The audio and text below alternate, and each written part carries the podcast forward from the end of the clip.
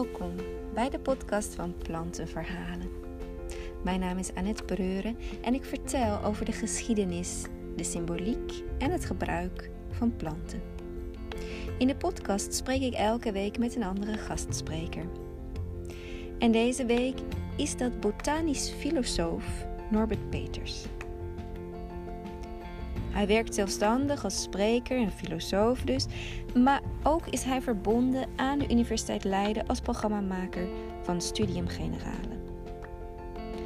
Hij heeft al enkele boeken op zijn naam staan,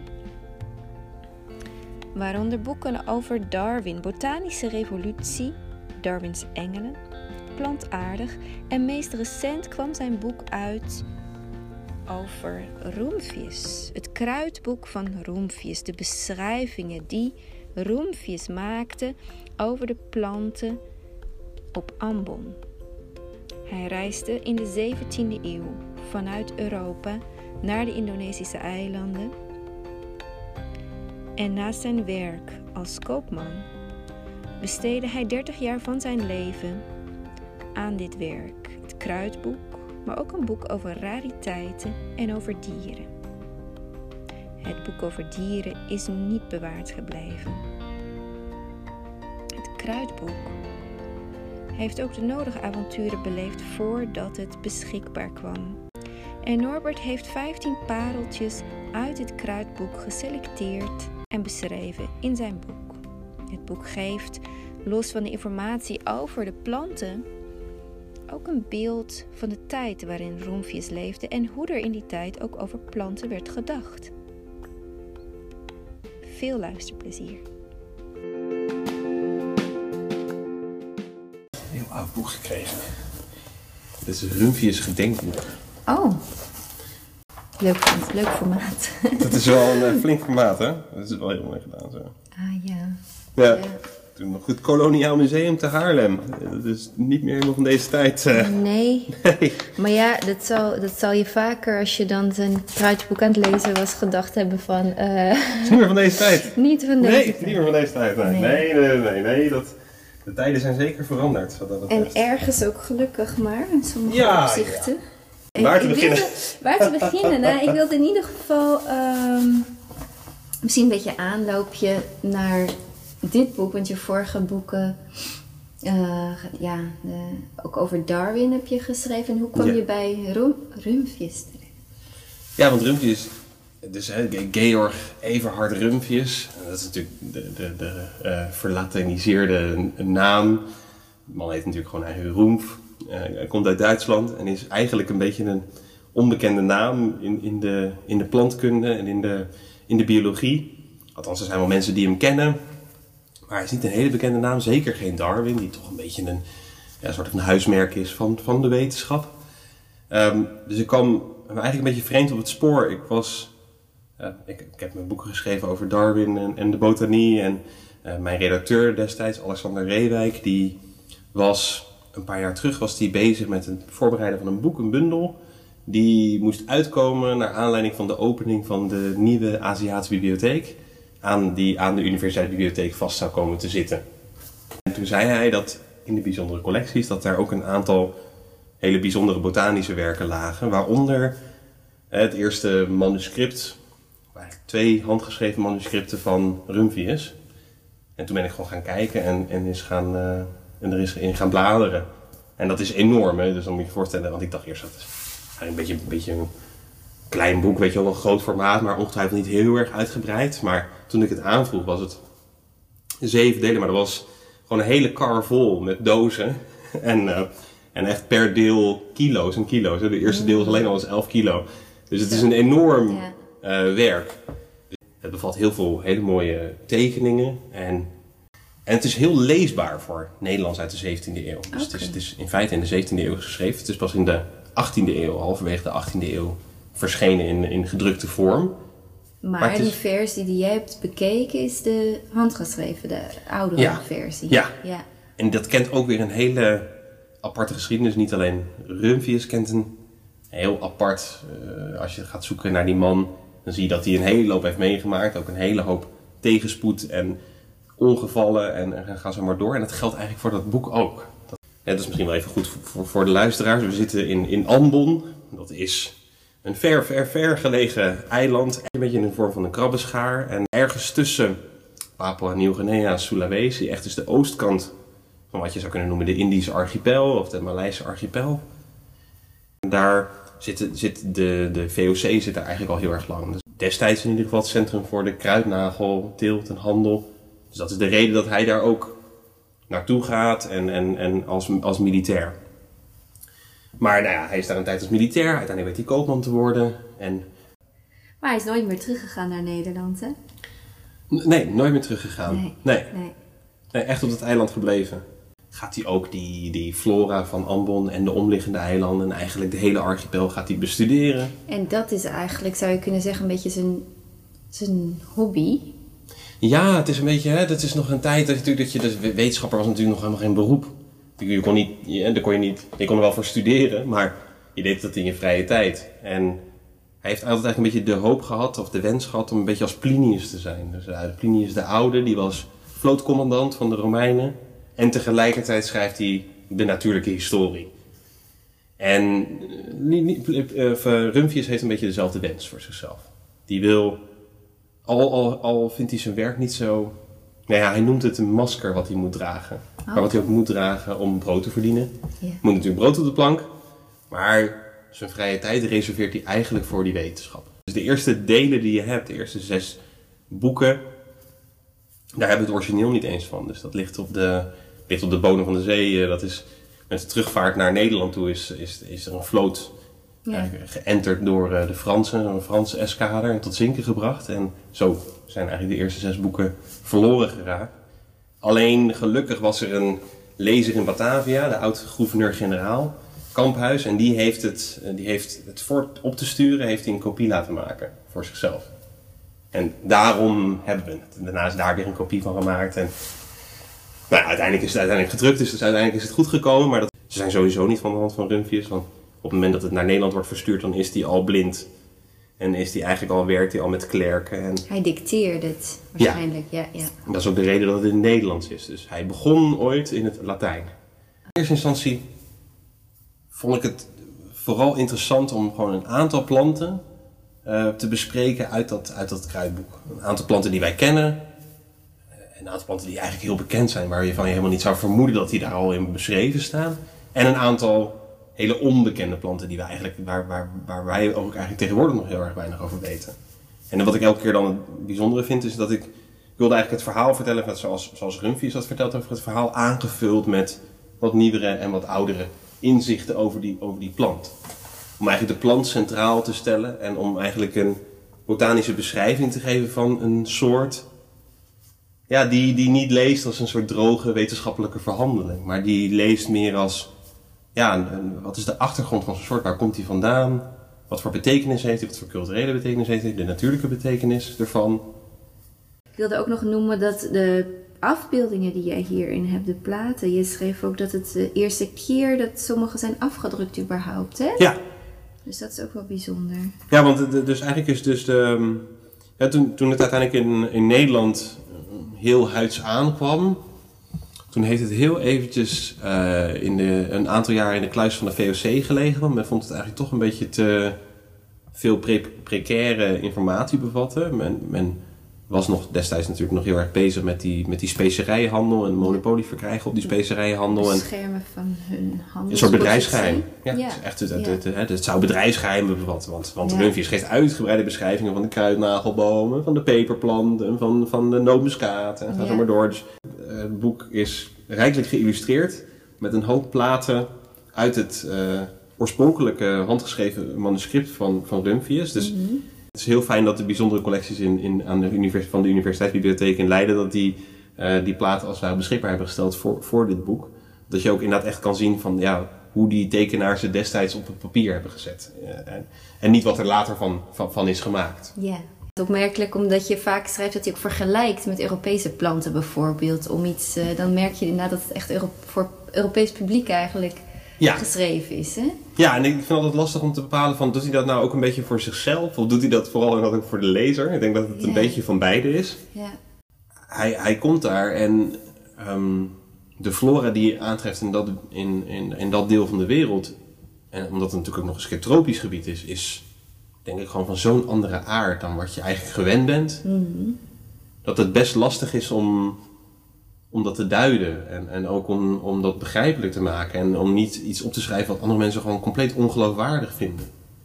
Omdat er gewoon ook bijna geen. Ja, de, de, hier hebben we de, de, de- in Nederland hebben we de grootste varen is de koningsvaren. En dat is een flink grote varen, maar dus niks vergeleken met de varenbomen die je daar vindt. En we hebben hier orchideeën, maar die, die groeien toch eigenlijk voornamelijk uit de grond. En niet hoog in de stammen en tegen de takken van, van woudreuzen. Ja, dat, dat soort dingen. Dat, is- dat is zo moeilijk eigenlijk om... Of, of, of vruchten die niet groeien aan takken, maar gewoon direct uit de boomstam. Dat, dat, dat zijn dingen die eigenlijk... Ja, die, die kennen hun equivalent niet eigenlijk hier in het Europese of nauwelijks. Ja. Dus hij moet dan elke keer toch proberen een soort van gelijkenis aan te halen van... Oké, het lijkt ongeveer daarop. Zodat inderdaad zijn lezer, maar eigenlijk volgens mij ook hij zelf... het kan plaatsen of zo. Van oké, wat is de betekenis hiervan? Ook, je moet eigenlijk een beetje dat boek voorstellen als een soort... Ja, Wikipedia avant la lettre met allemaal lemma's erin. Hè? Dus het is elke keer een, eh, een, een, plant. Dan geeft hij een, eigenlijk een botanische, anatomische, fysiologische beschrijving van de plant. En dan van de verschillende plantonderdelen. Dus het is, hè, dus het is hij heeft altijd aandacht voor de wortels, altijd aandacht voor de stengel, de stam en voor het blad. Uiteindelijk ook voor de bloem. Dan komt hij tot eh, de naamgeving. Dat is al, ook altijd een heel ding bij hem. Want hij, je zit natuurlijk in een, in een regio daar met ontzettend veel verschillende taalgroepen. Hij kende ook heel veel van dit soort talen. En hij wilde ook nog eens een keer een, een, een Europees equivalent daarvan geven. Dus een, een Latijnse naam en een Nederlandse naam. Dus hij besteedt altijd een aandacht aan, aan de naamgeving. En dan daarna krijg je eigenlijk het nut. Dus, dus voor hem is natuurlijk nog steeds onderzoeken van planten doe je vooral ook wel vanuit een, nutsoverweging. Ook wel vanuit een soort rariteit, hè, vermaak. Maar nut is eigenlijk wel, weegt wel nog wel ietsje zwaarder.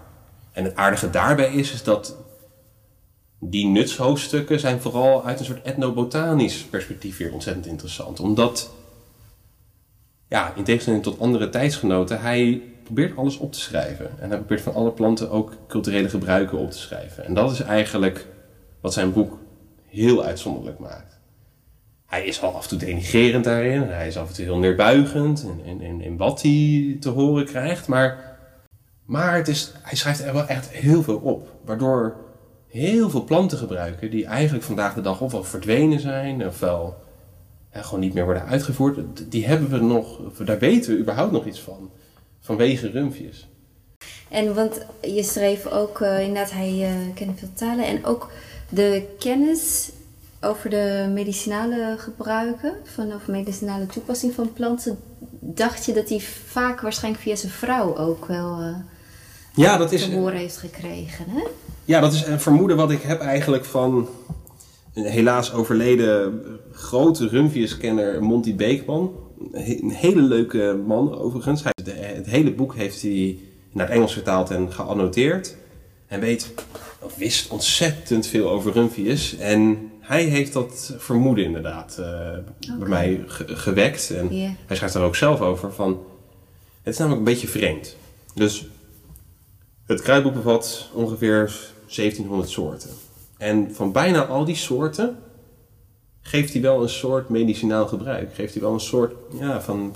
ehm, hoe komt hij aan die informatie? En wat helemaal vreemd is, is dat in dat medicinale gebruik wat hij ge- geeft, is een heel deel van die medicinale praktijk hangt samen met zwangerschap, seksualiteit, abortus en, enzovoort. En in, in, in de tijd van Rumpjes is, en, en trouwens nog steeds eh, is dat niet onbelangrijk in Indonesië, wordt, wordt, die, wordt die kennis bewaard door vrouwen, die doekoens heten. En dat is eigenlijk altijd geheimzinnig of geheime kennis geweest. Dat is eigenlijk niet iets wat, wat voor de gewone man was. En dat werd eigenlijk bewaakt door, door deze kruidenvrouwen eigenlijk. Genees, genees, geneeskundigen, eh, of, die, die dus de geneesleer daar eh, lokaal beoefenen. En daar heeft hij heel veel ontzag voor ook. Het is, dus, hij zegt op een gegeven moment ook van ja, ik wil niet die verlepte plantjes die ze over, overbrengen vanuit het westen, die, wil ik, die, die blief ik niet. Hè. Ik, wil, ehm, ik wil juist die lokale planten. Ook omdat hij een geloof heeft dat, dat, dat ziektes gebonden zijn aan een regio. Hè. Dus dat, dat ziektes horen bij een bepaalde regio en dan, dan levert de natuur ook daar de geneesmiddelen voor. Maar het is heel uitzonderlijk dat hij ontzag heeft voor deze, deze medische traditie. Alleen hoe heeft hij die toegang toe gekregen? Dus inderdaad, het, het, het vermoeden is dan bij Monty Beekman dat zijn vrouw eigenlijk contact heeft gehad met die vrouwen. En dat, ze, dat hij via haar deze kennis opdoet. Ja. Ehm, ja, dat is, ja, daar zit er zeker, volgens mij zit daar een zekere aannemelijkheid bij. Ja, je weet het niet zo goed. Maar hij, hij reist in ieder geval ook op Ambon en de andere eilanden Ja. veel. En eh, had inderdaad veel Hij heeft veel contacten, Ja. hij heeft heel veel correspondenten en contacten waar hij toch wel mee, zowel inheems als ook eh westerse mensen die daar in, die contraien zitten. En hij, hij, hij leunt ook wel heel erg sterk op, op observaties. En, en hij verzamelt die ook. Dus hij, hij is altijd benieuwd of iemand het heeft gezien, of iemand een verhaal heeft. En soms zijn die verhaal, verhalen gewoon, ja, bijna zo, ja, ongeloofwaardig. Zeker ook als wij dat nu horen, dan denken we, oh jemig, dat, dat klinkt wel heel, eh, dat klinkt wel heel eh, mythisch of sprookjesachtig. Maar ehm, hij schrijft het wel allemaal op en, en, dat, en dat, dat maakt het toch wel een heel bijzonder boek. Mijn oma is, is geboren in, in Nederlands-Indië en ik logeerde daar graag. Mijn oma is, is er nog steeds, vertelt nog steeds verhalen over Indonesië. En ik weet nog wel dat er dan, dan logeerde ik, dan stond er een enorme garuda ook naar zijn bed. Dat vond ik doodseng, want dat is, dat is een vrij grote, inderdaad vrij enge vogel. Ehm, maar inderdaad, komt ook terug bij, bij, bij Rumphius. En hij zegt dan ook, hè, die garuda, dat is, een enorme, mythische vogel. En die, die vliegt dus uit om ehm, neushoorns en olifanten en, en, en andere grote dieren als zou op te pikken van, uit Java en, en, andere eilanden en mee te nemen naar die nestbomen en zo. Heel af en toe spoelde er in die contraien spoelde er eh, iets aan wat ze noemen een dubbele kokosnoot of een zeekokosnoot. Dat is de Lotvikia maldivia, als ik het goed heb. En dat is de, Mal, de Maldiefse eh zeekokosnoot. Maldief, omdat hij daar ook wel eens aanspoelt, maar het komt helemaal niet uit de Maldiven. Maar de oorsprong van deze plant is heel lang eigenlijk Waar, niet komt hij duidelijk van, waar komt hij vandaan gedobberd? Dat Ja, hij komt, officieel komt hij eigenlijk eh, uit, uit de Seychelles. Maar dat is, de Seychelles zijn eigenlijk wat later pas ontdekt. Dus de herkomst van die plant was eigenlijk heel lang ja, niet bekend. Dus wat men dacht was dat het eigenlijk uit een zeegewas kwam. Hij hoort een verhaal eigenlijk van Java, of van iemand op Java. En die zegt, nee ja, die noten die komen van een boom, die staat midden in de zee. En de, de, de, dat is een enorme boom, een, een enorme palmboom. En de, en de kruin daarvan, dat, dat bladrozet, steekt net boven de golven. En dat is de nestboom van de Garuda. En dan heeft hij zelfs een verhaal van een Javaanse visser. Die op een gegeven moment te ver wordt meegesleurd die zee in. En komt dan bij nou ja, al die, al die, eh, nou, gewoon die, die, die- die- midden op die zee. En dan, daar kolkt het. En daar wordt het ook weer, dan heb je zo van die maalstromen en zo. En dan gaat, vergaat zijn boot en dan weet hij zich vast te houden aan, aan, aan, aan zo'n bladfront van, van, van, van, van die palm. En dan klimt hij in die palm en daar, daar nestelt dus die Garuda. En dan houdt hij zich vast aan de veren en dan vliegt hij zo weer mee terug naar Java. En zo heeft hij het weten overleven. Natuurlijk is het een sterk zeemansverhaal, maar voor Rumpje zit daar een soort van geloofwaardigheid aan. Maar zelfs als hij wordt ontdekt in de Seychelles, is het nog steeds omgeven door mythes. Dat is op zich wel, wel aardig. Hè? We hebben soms wel eens een beetje het idee van, oh nee, ons, ons Westen dat is allemaal heel wetenschappelijk en objectief. En, en andere culturen die hebben hun mythes en hun zagen nog steeds en zo. Maar je ziet juist eigenlijk het tegenovergestelde. Bijvoorbeeld met die dubbele kokosnoot, als die wordt ontdekt in de Seychelles, dan is de, de, de, de, de Engelsman die, die, die, die daar een beschrijving van geeft, die denkt dat hij in het aardsparadijs is. Die denkt dat de Seychelles dat, dat het aardsparadijs is en dat de verboden vrucht, volgens hem, zou die dubbele kokosnoot zijn. Wat een vrij bizarre gedachte is, Dus daar maar behoorlijk een hap van te nemen. lijkt me ook heel lastig een hap van te nemen inderdaad. Het heeft een beetje suggestieve vorm, maar het is toch een beetje vreemd om dat als verboden vrucht. Er is natuurlijk al wat discussie gedeeld over wat, wat nou eigenlijk de verboden vruchten. Want we denken altijd een appel, maar dat is eigenlijk pas sinds de renaissance dat we dat denken. Dus wat is nou precies die verboden vrucht? Bij rumpjes zie je bijvoorbeeld dat men nog denkt dat het de banaan is. En dat is ook de naam die later heeft, dus Musa paradisica. En, eh, dat geeft al een beetje aan. Dat, is, dat, is de, dat, zou dan dus de, de muza uit het paradijs zijn. Ja, je ziet dat, ja, daar is veel over gespeculeerd. Maar ik vind het wel leuk met die dubbele kokosnoot. Dat, die spoelt dus heel af en toe aan. En dat is een, echt een rariteit. Dat kan hij, ook, hij zegt ook dat het hartstikke duur is. Hij kan er ook niet aan één komen. En ehm, ja, dat als ze worden gevonden, dat ze ook een, uh, een, een werk als een panacee, als een, uh, als een medicijn tegen alle kwalen. Zo. Er is zelfs een Nederlands traktaat uit de 17e eeuw uh, van ene Kluit. Um, die schrijft eigenlijk over de nutje medica. En dat is de, de, de medische noot en dat is die dode kokosnoot. Dus alles van die medische kokosnoot zou alle kwalen op de aarde genezen. He, dus het is echt een, een, een, een noot die gehuld is, of in een soort van zweem van mythologisering. En uh, vond je het lastig om, want je zei het kruidboek heeft 117 of 170? Uh, 1700 soorten, soorten om en nabij. soorten, ja. En je hebt dus ja. heel erg moeten selecteren van wat ga je kiezen om ja. in jouw boek te verwerken. Ja. Ja, ja. vond je dat lastig? Zijn er... Uh... Um, iets wat, wat niet in het boek staat, maar wat ik wel eigenlijk in het boek wilde, wilde hebben, maar dat ga ik misschien nog apart uitwerken, is bijvoorbeeld dat hij op een gegeven moment beschrijft hij dan een volk en dan heeft hij eigenlijk een soort ontstaansmythe van, die, van dat volk heeft hij gehoord. Via, via... Via, via.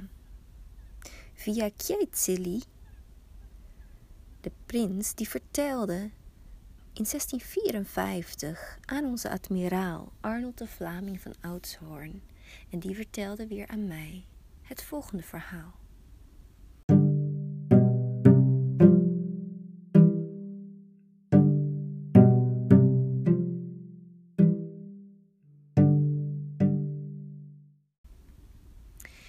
In oude tijden, vroeger,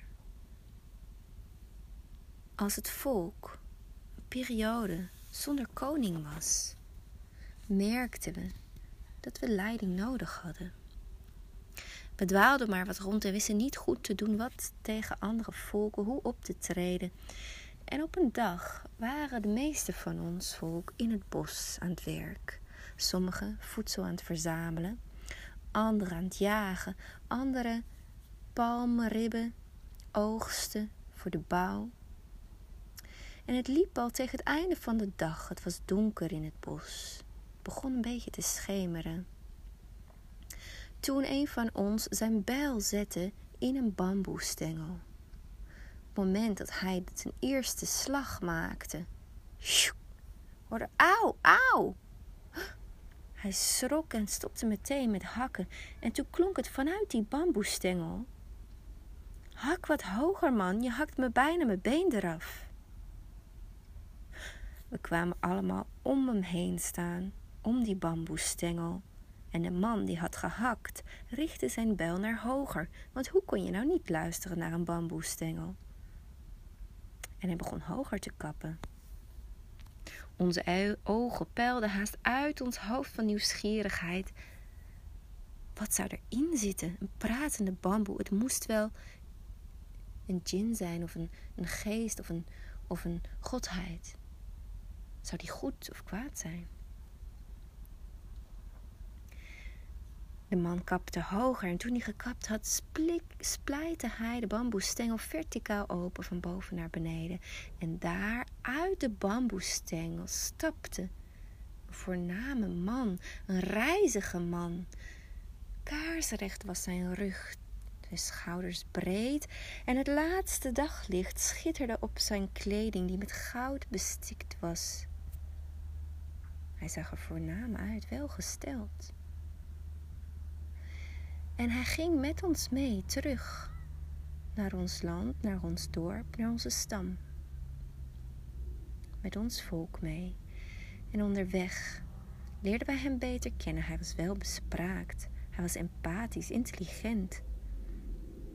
Dus toen wij terug waren, vroegen wij hem onze koning te worden.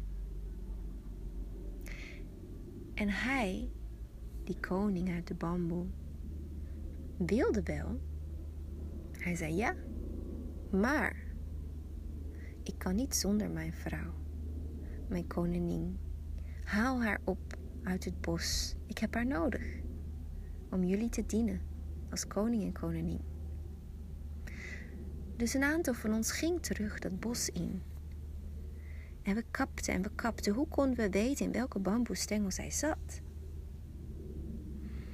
Misschien was er een fout gemaakt. Op een gegeven moment hadden we zoveel bamboes gekliefd, maar haar niet gevonden. En toen hoorden wij, gingen we terug en hoorden wij van de koning van, mm, ja weet je, ik weet niet altijd helemaal precies waar ze is. Misschien dat ze dit keer op zee zit. Daar houdt ze ook van, van het bos en van de zee.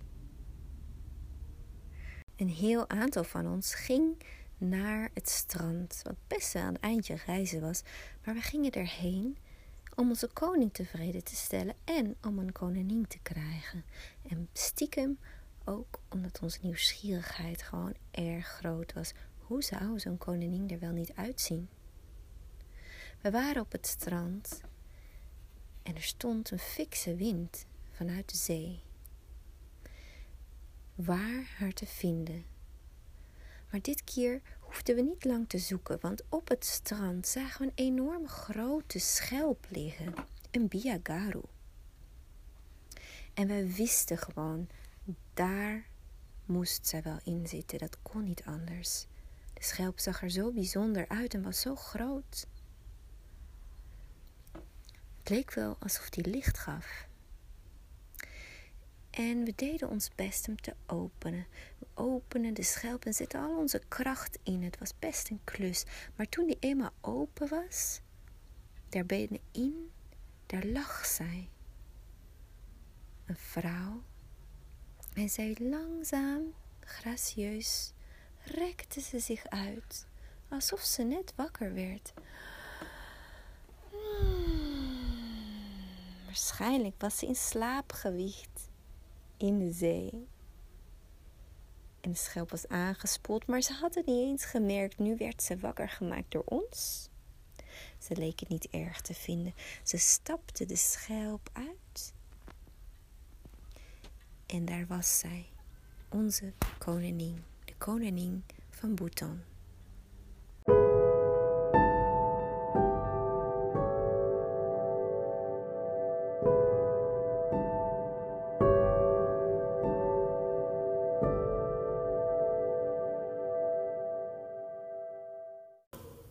Een soort scheppingsmythe. Uh, en, en bedoel, het, het past niet in het boek, maar het, ik vond het wel bijzonder omdat dat, dat, dat, ja, dat, hebben we, dat, dat hebben we dan dankzij Rumpjes dan gelukkig toch, toch nog dat, ja, zo'n zo, zo ontstaansmythe van, van, van, een, van een volk, of in ieder geval het verhaal wat ze vertellen over hoe ze, hoe, ja, hoe, ja, ja. waar hun koning vandaan komt. Ja. Ja. En dat is toch wel eigenlijk vrij. En natuurlijk schrijft hij er vervolgens al bij, ja, dat is bijgeloof en heidens. Maar dat doet er niet. Dat, hij dat doet mij er verder niet. Hij schrijft het wel op. Ja. Je hebt ook wat gedichtjes van hem in je boek opgenomen. Ja, Om daar misschien ook er een van eh, voor te lezen. ja dat, is, dat is hartstikke leuk. In zijn tijd is, is die wetenschap nog niet zo hoe zeggen, droog dat je alleen de feitelijkheden moet geven, alleen de observatie, alleen de metingen enzovoort. Maar je mag ook nog af en toe een beetje soort opsmuk hebben, doen. iets leuks doen. Dus dan heeft hij een beetje een gek raadselrijmpje. En dan, dat gaat als volgt. Mijn moeder had veel broods eer dat ik was geboren. Na mijn geboortedag heeft ze al haar goed verloren. Wat vaartje wint en moertje spaart, het kind verteert. Raad wat, boom, wat voor boom ik ben en weet gij niet, zo leert. Dat, nou ja, dat is een beetje een gek. Antwoord, het antwoord is dan? Het antwoord is dan dus de zagelboom. Ja. Maar dat is wel interessant. Kijk, hij heeft het natuurlijk over, daar over een moeder. Hij zegt dus, hè, wat, wat het vaartje wint en moertje spaart, het kind Ja. verteert. Ja. Dat dus is... hij maakt het eh, er een mens van. Zeg maar, of hij vergelijkt met een mens. Hij vergelijkt met een mens. Hè? Ja. En ehm, dat leunt eigenlijk op... Kijk, hij wil natuurlijk inderdaad eh, die westeling iets leren over, over, die, over, over die boom. Ja, de zagelboom. Ja, dat, ehm, dat is een, een bijzondere boom. En voor is ook al een belangrijke boom. Omdat in, in, de Molukken heb je als basisvoedsel niet rijst, maar ehm, ja, sagomeel. Wat afkomstig is uit een palm. Het aardige is, dat Rumphius geeft daar eigenlijk een ontzettend uitgebreide beschrijving van. Het is een boom die vooral in het wild wordt gewonnen. En cruciaal daarbij is dat je op het juiste moment hem kapt. En manieren ook om te weten wanneer je moet oogsten. Een vriend van mij die waren in, in Ambon en hadden foto's uh, gemaakt van hoe uh, tegenwoordig de sago wordt gewonnen. Want het wordt natuurlijk nog steeds gewonnen en gegeten. En dat is eigenlijk bijna onveranderd zoals zo Rumpjes dat beschrijft. Ah. Dat maakt het ook wel bijzonder. Er zijn natuurlijk een paar apparaten die tegenwoordig met elektriciteit werken enzovoort. Maar hij, Rumpje zegt dan, je, um, je hebt verschillende stadi groeistadia van die palm. En dat is belangrijk, want dat geeft aan wanneer je moet kappen. Dus hij heeft dan een soort ezelsbruggetje, wat hij dus van de lokale bevolking heeft moeten leren. Die hebben hem dat geleerd. Dat op een gegeven moment als het blad wit gaat uitslaan en de palm zo'n 12, 13 jaar oud is, dan weet je dat de, de meel, wat eigenlijk weer de, de, de, een soort van sponsieuze kern eigenlijk is van die boom, dat die het beste is, het meel. Wacht je te lang, dan gaat de palm bloeien. En dan, hij, geeft ook een tekening van, wat ik zelf een van zijn mooiste tekeningen vind, is dat hij de bloeiwijze van die palm afbeeldt. En dat, hij beschrijft het eigenlijk als een kandelaber, als een, als een, als een, als een kroonluchter. Het is eigenlijk als een, of, een, of een stuk koraal vergelijkt het ook mee. Wat eigenlijk uit die top van die palm komt groeien. Als een soort enorme bloeiwijze. Waar dan de bloemen aan hangen en uiteindelijk, of de katjes eigenlijk aan hangen. En uiteindelijk ook de, de, de vruchten aan groeien. En dan zegt hij, dat is natuurlijk uiteindelijk het doel van de natuur. dat, eh, dat is wat die palm wil. die, die, uiteindelijk bloeien en dan... Dat is dan we noemen dat dan een monocarpische plant. Namelijk hij, hij verteert eigenlijk al zijn energie om te bloeien. Wat we ook al kennen bijvoorbeeld bij uh, uh, aloes of zo. Ja, en daarna, na de bloei sterft die bedoel je. En dan na de bloei is die... Is, en dat is dus waar dat rijmpje ook over gaat. Hè? Dus dat rijmpje gaat eigenlijk over een monocarpisch plant, nou, oftewel een plant inderdaad die alle energie stopt in de bloeiwijze en vervolgens uh, sneeft. Hè, vervolgens komt, uh, komt uh, of doodgaat. Ja. En de mens moet natuurlijk daarvoor nou ja, die zaagopalm omkappen om er bij tijd bij te zijn om dat meel te winnen. En dan hakt men de, de, de, die, die, die stam eigenlijk, wat eigenlijk een schijnstam is. Met palmen hebben natuurlijk hebben geen jaringen zoals, een, zoals bomen bij ons, maar hebben meer een soort van blad schijven die op elkaar uh, zich, zich, stapelen. In ieder geval, je hakt die boom bij de, bij de grond om, je verdeelt hem in moten en je klooft hem. En dan vervolgens beschrijft u met een, met een dissel of met een bamboeschraper daar eigenlijk dat merg uithaalt. Dat merg zit natuurlijk allemaal vezels op dat moment nog in, dus dat moet je dan vervolgens in spoelbakken en met, uh, hoe noem je dat, zeven, moet je proberen eigenlijk het meel los te weken van die verschillende vezels. Dat meel moet je vervolgens laten, laten, laten zakken. Dat wordt als het, uh, dus daar gebruiken ze meestal ofwel delen van die boomstam voor, ofwel uh, kleine bootjes voor. En dan die ze vullen met water om te laten bezinken. Ja, ja. En uiteindelijk is dat hè, het, het wittige meel wat als het ware overblijft op het moment dat je dat hele proces hebt doorstaan. Dat wordt uh, eigenlijk in een soort van zakken meegenomen volgens naar het dorp. Want meestal wordt het dus in, in, in, in het wild, eh, heb je maar de raffinaderij van die sago. En dan vervolgens ga je terug naar het dorp. En daar wordt het dan uh, in broodjes, als het ware, laat men het drogen in de zon. En dat zijn een soort van ja, broodjes, maar dat is eigenlijk het bestanddeel alleen maar. Dus dat, die, die, die, brood, die sago-broden, die moet je vervolgens ofwel in water weken, ofwel verwerken tot een soort meel voor uh, bakken van koekjes of wat ook of zo. Dus er wordt vaak ofwel pap van gemaakt. Um, die dan natuurlijk wordt aangevuld met een soort uh, limoentje en, en uh, wat sojasaus en wat visje en ga zo maar door. Uh, want het is een beetje, het is een, het is een soort basisbestand, dat is rijst. Dus het mhm. heeft op zichzelf, is het niet het meest vruchtelijke wat je kan eten, maar het is, het is een basisbestand van de maaltijd. En men bakt er koekjes van. En dan doet men er wat kanarienoten tussen of wat, wat andere vruchtjes of nootjes om er wat smaak aan te geven. Mm maar daar beschrijft hij dus, je moet je voorstellen, dus als je dat leest, dat is pagina na pagina na pagina met tekeningen erbij.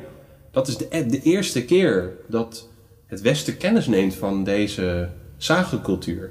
En het belang van die zagencultuur en, en hoe men dat allemaal verwerkt en waar men dat allemaal voor gebruikt. En dan zie je daarna ook dat niet alleen dat meel wordt gebruikt, maar de bladschedes worden gebruikt in de bouw. Dus heel vaak zijn de wanden van huisjes, die zijn van de bladschedes is ontdaan van eh, de deelblaadjes als het ware, maar alleen nog maar de, de hoofdnerf. Uh, van die nervatuur zijn ze gemaakt. Waardoor hij ook, waardoor ook Rumpje zegt van ja, het lijkt een beetje op een orgel, hè, zoals orgelpijpen. dat, daar lijkt het ook op. En hij zegt dan ook, als je er een klein houtje in steekt en je tokkelt eraan, dat het dan ook echt een soort als een klankkast werkt. Ja, ja. En, en de daken, dus het kleinere blad, dat, dat is vervolgens weer heel durabel voor. Daar worden dan daken van gemaakt. Met, met, met, met een soort bamboeconstructie kan je daar wat, hij noemt A-tap van maken. En dat is inderdaad een soort van dakbedekking die heel fijn werkt. En zo zie je dus inderdaad dat ja, al dit soort gebruiken komen allemaal terug. En hij zegt ook nog eens een keer dat in, dan, eh, in, het, in, in wat je eigenlijk weggooit, de vezels die je weggooit, die worden verzameld op hopen. Dat, neem, dat noem je dan Ella of Ela. Ehm, en daar groeien eh, de, de larven in van eh, de zwarte palmkever.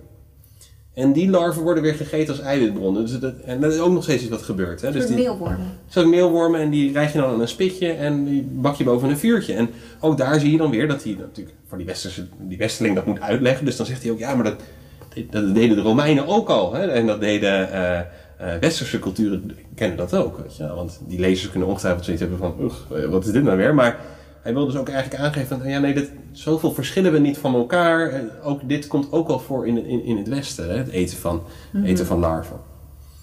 Dat vind ik altijd het mooie ook van, van planten. En dat zou je denk ik ongetwijfeld met me eens zijn. Is dat omdat de mens altijd zo verknoopt is met, met het leven van de plant. Het leven van planten. Als je over planten schrijft, schrijf je automatisch over mensen. En laten Ja. die planten ook automatisch...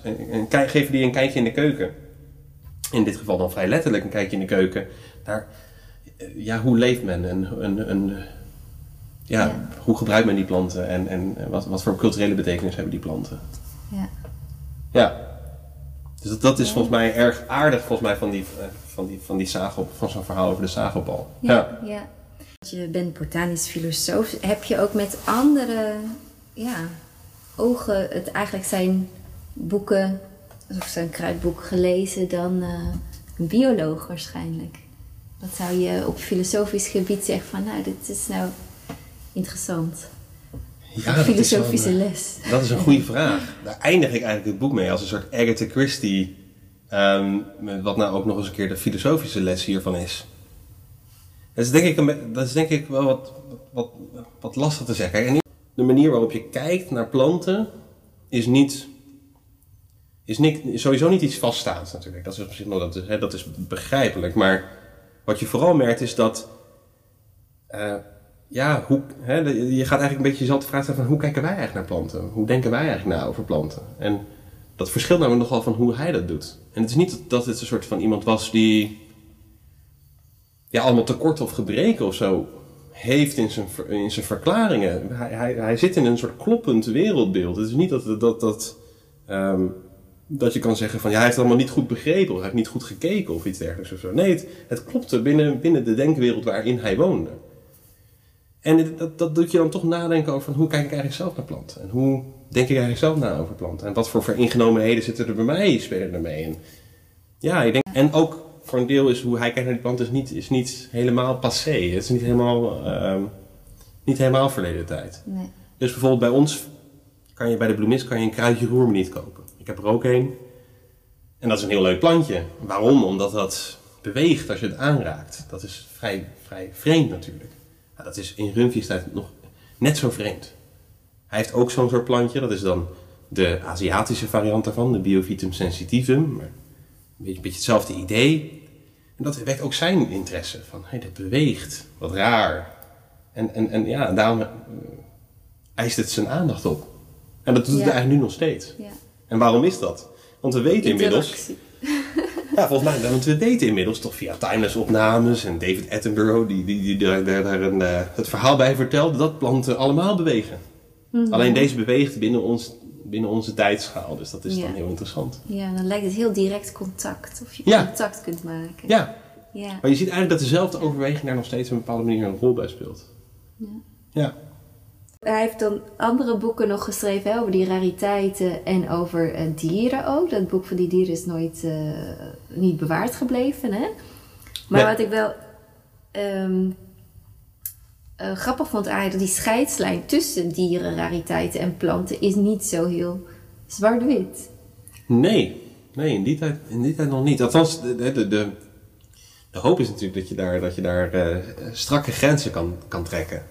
Ehm, eigenlijk een beetje van, van oudsher eh, zie je dat er een, een, een klassieke indeling is, die we nog steeds vandaag de dag kennen. Je hebt het dierenleven, het plantenleven en dan heb je de, de mineralen. Ehm, maar hoe meer je natuurlijk in die natuur gaat kijken, hoe lastig het eigenlijk soms wordt om die grenzen nog te kunnen ontdekken. Dus soms zijn die grenzen heel duidelijk. Hè? Als, je een, als je een bij hebt en een eik, dan is er weinig discussie over tot welke rijken die behoren. Maar ja, wat doe je inderdaad bijvoorbeeld met, met zo'n gevoelig kruidje? Wat is een, een kruidje wat gevoelig, of een plantje wat gevoelig is voor aanraking? Dat is eigenlijk iets wat in de 17e eeuw niet tot het plantenrijk kan behoren. Planten waren, want die indeling die berust natuurlijk eigenlijk een klein beetje op, oké, hoe denk je over wat een dier is en wat een plant is? En het antwoord op wat een plant was in de 17e eeuw is een passief organisme wat eigenlijk bijna niks kan, vrij simplistisch is en zeker niet zintuigelijk, zeker niet bewegelijk, uh, zeker niet seksueel. En dat is iets wat bij uh, wat voor problemen zorgt soms. dus als je dan een gevoelig kruidje vindt, dat leidt in alles leidt het op een plantje. Het heeft blaadjes, het heeft uh, stengels, het heeft wortels, het heeft een bloempje. Maar het is gevoelig voor aanraking en het beweegt. Ja, dan moet dat dus eigenlijk een tussencategorie zijn tussen het dier en het plantenrijk.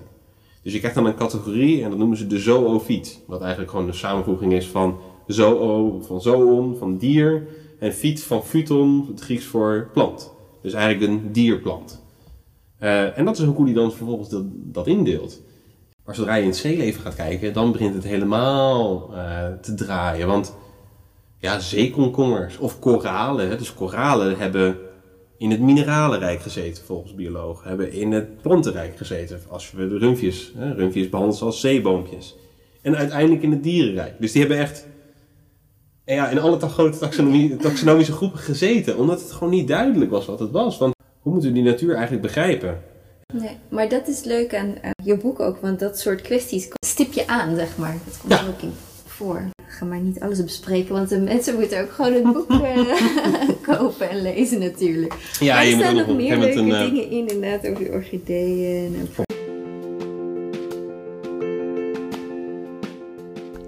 Bedankt voor het luisteren. De website van Norbert, botanisch filosoof, staat in de beschrijving van deze aflevering. En ook een tikje link om je donatie te doen als waardering voor deze podcast. Je kunt hem ook delen en review achterlaten, dat is erg fijn. Ja, wil je meer verhalen horen of lezen? Lees dan bijvoorbeeld het tijdschrift De Tuin in vier seizoenen. Kijk op www.tijdschriftdetuin.nl. Voor de activiteiten van plantenverhalen kijk op plantenverhalen.nl natuurlijk.